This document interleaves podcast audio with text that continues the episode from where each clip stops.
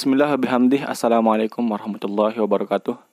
Alhamdulillah Wassalatu wassalamu ala rasulillah Wa ala alihi wa sahbihi wa mawala Allahumma aslih umat Muhammadin sallallahu alaihi wasallam Wa farij an ummati Muhammadin sallallahu alaihi wasallam. Warham umat Muhammadin sallallahu alaihi wasallam. Wa ansyur wahfaz wa ayyid nahdatal watani fil alamin Nabi haqqi Muhammadin sallallahu alaihi wasallam. Amma badu.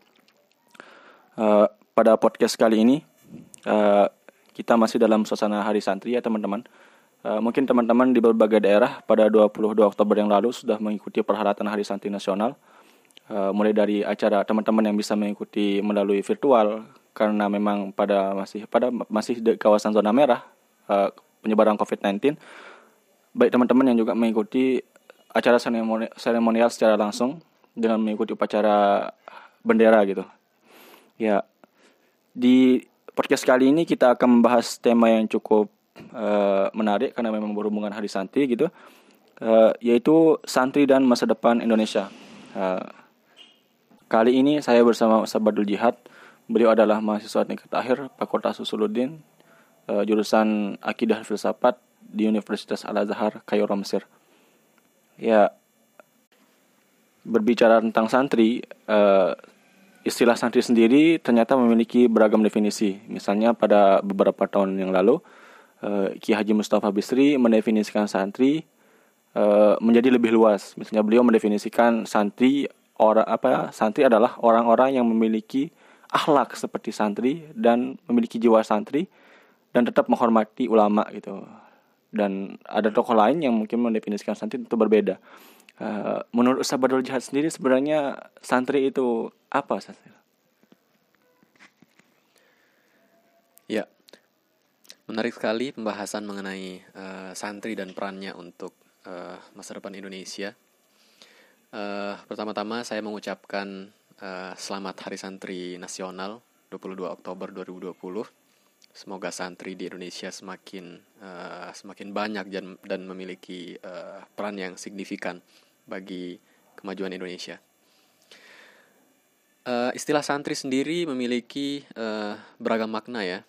Uh, ada yang memang mendefinisikan santri uh, secara luas dan general, misalnya yang disebut oleh Malik tadi, uh, Kiai Haji Mustafa Bisri menyebut santri itu sebagai uh, siapa saja yang memiliki akhlak santri dan uh, berjiwa santri lah.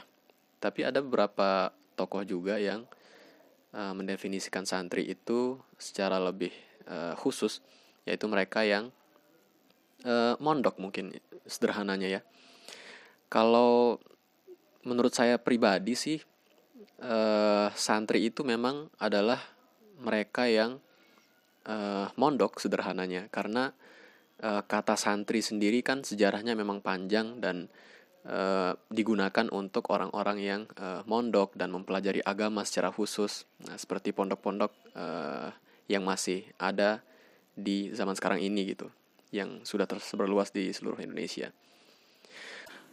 Orang yang mendefinisikan uh, santri sebagai sesuatu yang general, bermakna general, itu bisa dijadikan oleh kita yang bukan santri itu sebagai uh, motivasi lah, bahwa kita itu bisa uh, meniru santri walaupun tidak menjadi orang-orang pondokan gitu kan. Nah, eh, kembali ke pendapat saya pribadi tadi itu, santri boleh digunakan secara general, tapi secara mendasar santri itu memang eh, adalah istilah khusus bagi mereka yang eh, mondok dan mempelajari agama secara khusus. Eh, santri ini eh, dapat ditemukan eh, dari dulu sampai sekarang di eh, pondok-pondok di pondok pesantren. Di Lombok sendiri misalnya kita punya pondok pesantren Darun Nahdlatain, Nahdlatul Waton Pancor, ada juga yang di Anjani yaitu pondok pesantren Syekh Zainuddin dan masih banyak lagi pondok-pondok pesantren di e, Lombok maupun di e, di Indonesia secara umum. Nah, itu adalah wadah wadah-wadah bagi santri untuk e, belajar e, Islam secara mendalam, mengkaji kitab-kitab, dan lain sebagainya. Nah, santri kenapa penting untuk e, dibahas? Itu karena dia mencirikan e, keislaman. Jadi kalau disebut santri, kata santri itu disebut misalnya, hal pertama yang kita pikirkan adalah orang ber, berpeci kan, orang berpeci, kemudian sarungan yang mempelajari agama, mem membaca kitab kuning di depan uh, ustaznya atau gurunya, di depan syekhnya. Nah, itulah ciri-ciri uh, dari santri. Jadi sebenarnya citra santri itu sangat baik di mata uh, masyarakat. Selain citra keislaman tadi itu, citra yang lain juga yang melekat pada santri adalah citra kebangsaan. Karena kita tahu dari uh, sejarah bahwa bukan hanya bukan hanya yang non santri aja yang apa namanya memperjuangkan bangsa ini, tapi uh, santri-santri maupun uh, para kiai-kiai sendiri itu juga memperjuangkan uh, yang namanya nasionalisme. Nah, di Lombok sendiri dulu uh, di Lombok sendiri dulu uh, Maulana Syekh Kiai Haji Muhammad Zainuddin Abdul Majid bersama para santrinya itu kan memperjuangkan uh, Indonesia di uh, Lombok secara khusus dan NU dan Muhammadiyah juga dulu uh, berperan penting dalam uh, kemerdekaan Indonesia di Jawa dan uh, di kota-kota besar. NU juga NU juga di NU juga dan Muhammadiyah uh, memiliki peran besar dalam kemerdekaan Indonesia di Jawa sendiri maupun di luar Jawa di pulau-pulau besar.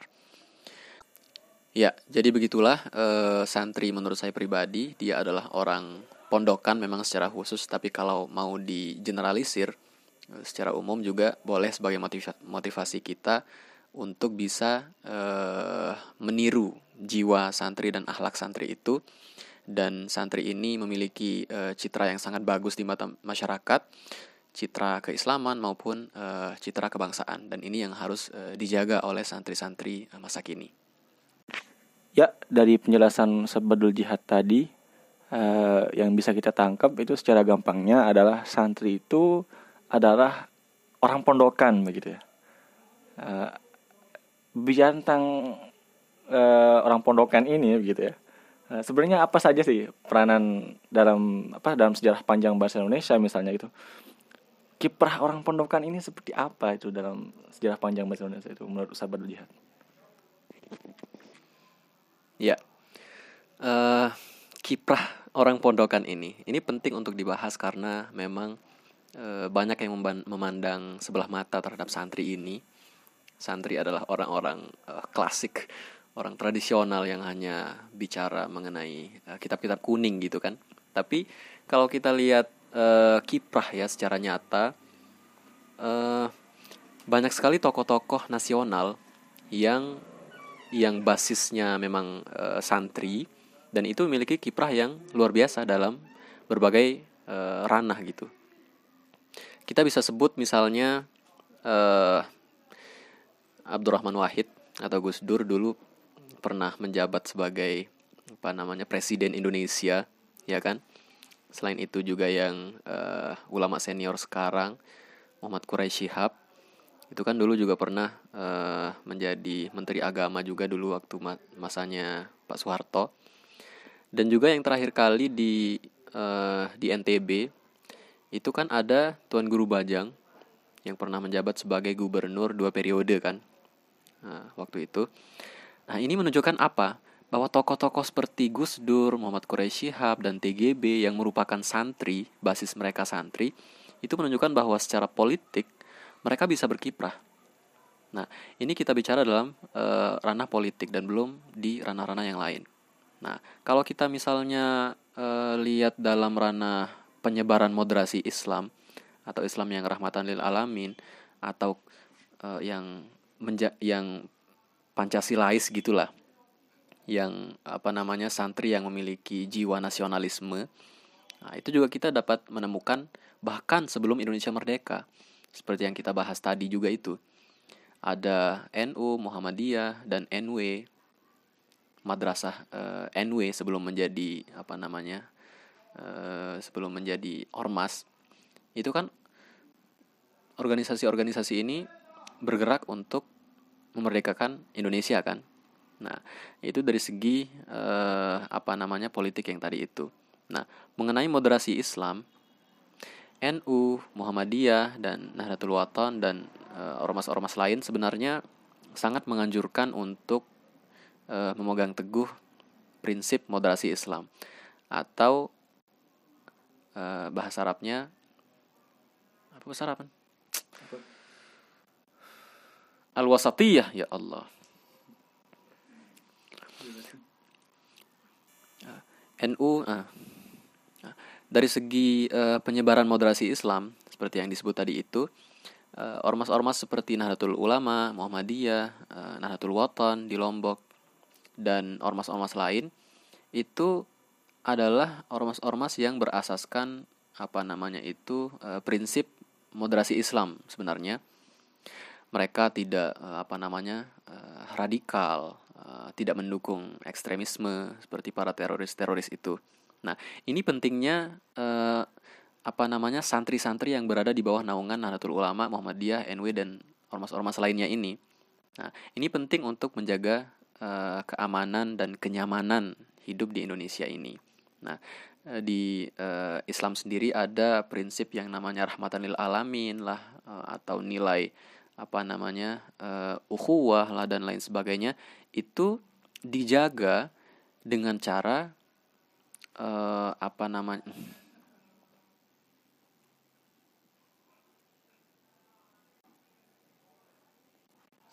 itu dijaga dengan usaha-usaha dari santri-santri uh, yang ada di bawah naungan ormas-ormas ini. Nah, ini pentingnya. Uh, dalam tulisan lama Ki Haji Abdul Moksid Ghazali di Islam Lib itu tentang NW misalnya kita bahas NW itu uh, dia beliau menaruh harapan yang besar sekali terhadap Nahdlatul Wathon. Tentu saja uh, ormas-ormas lain juga seperti NU dan Muhammadiyah yang lebih besar. Nah, tapi NW yang uh, yang lebih uh, tanda kutip kecil ini juga memiliki tanggung jawab sebenarnya yang juga uh, besar dalam menyebarkan moderasi Islam. Jadi bagaimana Nahdlatul Wathon itu e, mengkaji e, apa namanya itu prinsip-prinsip kemodern apa e, kemoderatan dan juga kajian-kajian e, modern yang memang dibutuhkan dalam kemajuan pemikiran Islam dan juga kemajuan Indonesia itu sendiri. Nah, ini pentingnya santri dalam memajukan dalam menyebarkan moderasi Islam. Nah, itu dari segi penyebaran moderasi Islam ya. Nah, ada juga kiprah santri dalam hal pengembangan pemikiran. Nah, kita lihat di uh, apa pemikiran-pemikiran di Indonesia itu banyak yang uh, klasik ya kan. Tapi di antara mereka juga ada yang memang berpikir lebih uh, jauh. Kita bisa lihat di misalnya di NU itu ada kaum muda NU yang tanda kutip liberal misalnya uh, Ulil Absar Abdallah Gus Ulil itu kan Nahdlatul Ulama kan tapi dia mengembangkan pemikiran-pemikiran yang uh, modern. Nah beliau mengkaji mengenai isu-isu uh, kontemporer. Nah tokoh-tokoh seperti itulah yang uh, apa namanya berkiprah untuk pengembangan pemikiran di Indonesia. Nah, jadi saya simpulkan apa yang saya uh, jelaskan tadi mengenai kiprah santri itu bahwa kiprah santri itu sebenarnya luas. Nah, yang pertama adalah kiprah politik seperti yang disebut tadi itu dari TGB, Muhammad Quraisy Shihab, Gus Dur dan lain sebagainya. Kemudian uh, kiprah dalam penyebaran moderasi Islam dan kiprah mengenai pengembangan pemikiran itu menunjukkan bahwa memang uh, kiprah santri itu sangat besar di Indonesia. Nah, ini adalah uh, fakta dan kita bisa lihat, kita bisa baca di mana-mana dan kita bisa uh, uh, lihat juga di mana-mana bahwa memang santri sudah tidak sepantasnya lagi untuk dipandang sebelah mata karena santri memiliki kiprah yang sangat luar biasa untuk mengembangkan uh, Indonesia. Ya, setelah mendengar penjelasan Sabadul Jihad tadi, kita semakin sadar bahwa memang uh, apa kiprah santri baik di bidang pemerintahan misalnya seperti Ki Abdurrahman Ki Haji Abdurrahman Wahid kemudian ada tadi Pak Quraish Shihab kemudian Tuan Guru Bajang dan beberapa kiprah lain misalnya di bidang pemikiran dan apa namanya uh, tawasud menyebarkan Islam yang rahmatil alamin uh, kita sadar bahwa memang santri memiliki kiprah yang tidak bisa dianggap enteng gitu. Ya uh, tentu yang menjadi pertanyaan sahabat uh, apa namanya fenomena santri milenial zaman sekarang gitu kan yang termasuk kawasan milenial kebanyakan santri zaman sekarang ya walaupun memang tidak dinafikan ada santri-santri yang memang udah tua apa begitu kan. Uh, sebenarnya apa ya peranan apa namanya santri uh, sebagai upaya untuk kemajuan Indonesia ke depannya begitu? Ya uh, pembahasan mengenai santri sebenarnya uh, poin pentingnya adalah ini. Bagaimana sebenarnya peran santri untuk kemajuan Indonesia ya kan di masa depan. Nah kita dapat uh, list banyak sekali banyak sekali sebenarnya peran-peran yang perlu dikembangkan oleh santri saat ini kita sebagai santri saat ini. Uh, setidaknya ada uh, dua hal penting yang perlu kita uh, highlight uh, peran santri untuk Indonesia. Yang pertama adalah perannya untuk menjaga Indonesia. Tadi kita udah bi udah uh, bicara mengenai moderasi Islam penyebaran ormas-ormas Islam penyebaran santri-santri moderat itu mengenai Islam yang sebenarnya, Islam yang uh, rahmatan lil alamin itu. Nah, itu itu akan uh, berdampak baik pada keamanan dan kenyamanan Indonesia. Jadi kelompok kelompok-kelompok teroris, tokoh-tokoh teroris itu uh, dengan adanya santri ini mereka akan tertekan. Nah, sehingga jumlah mereka tidak akan terus bertambah.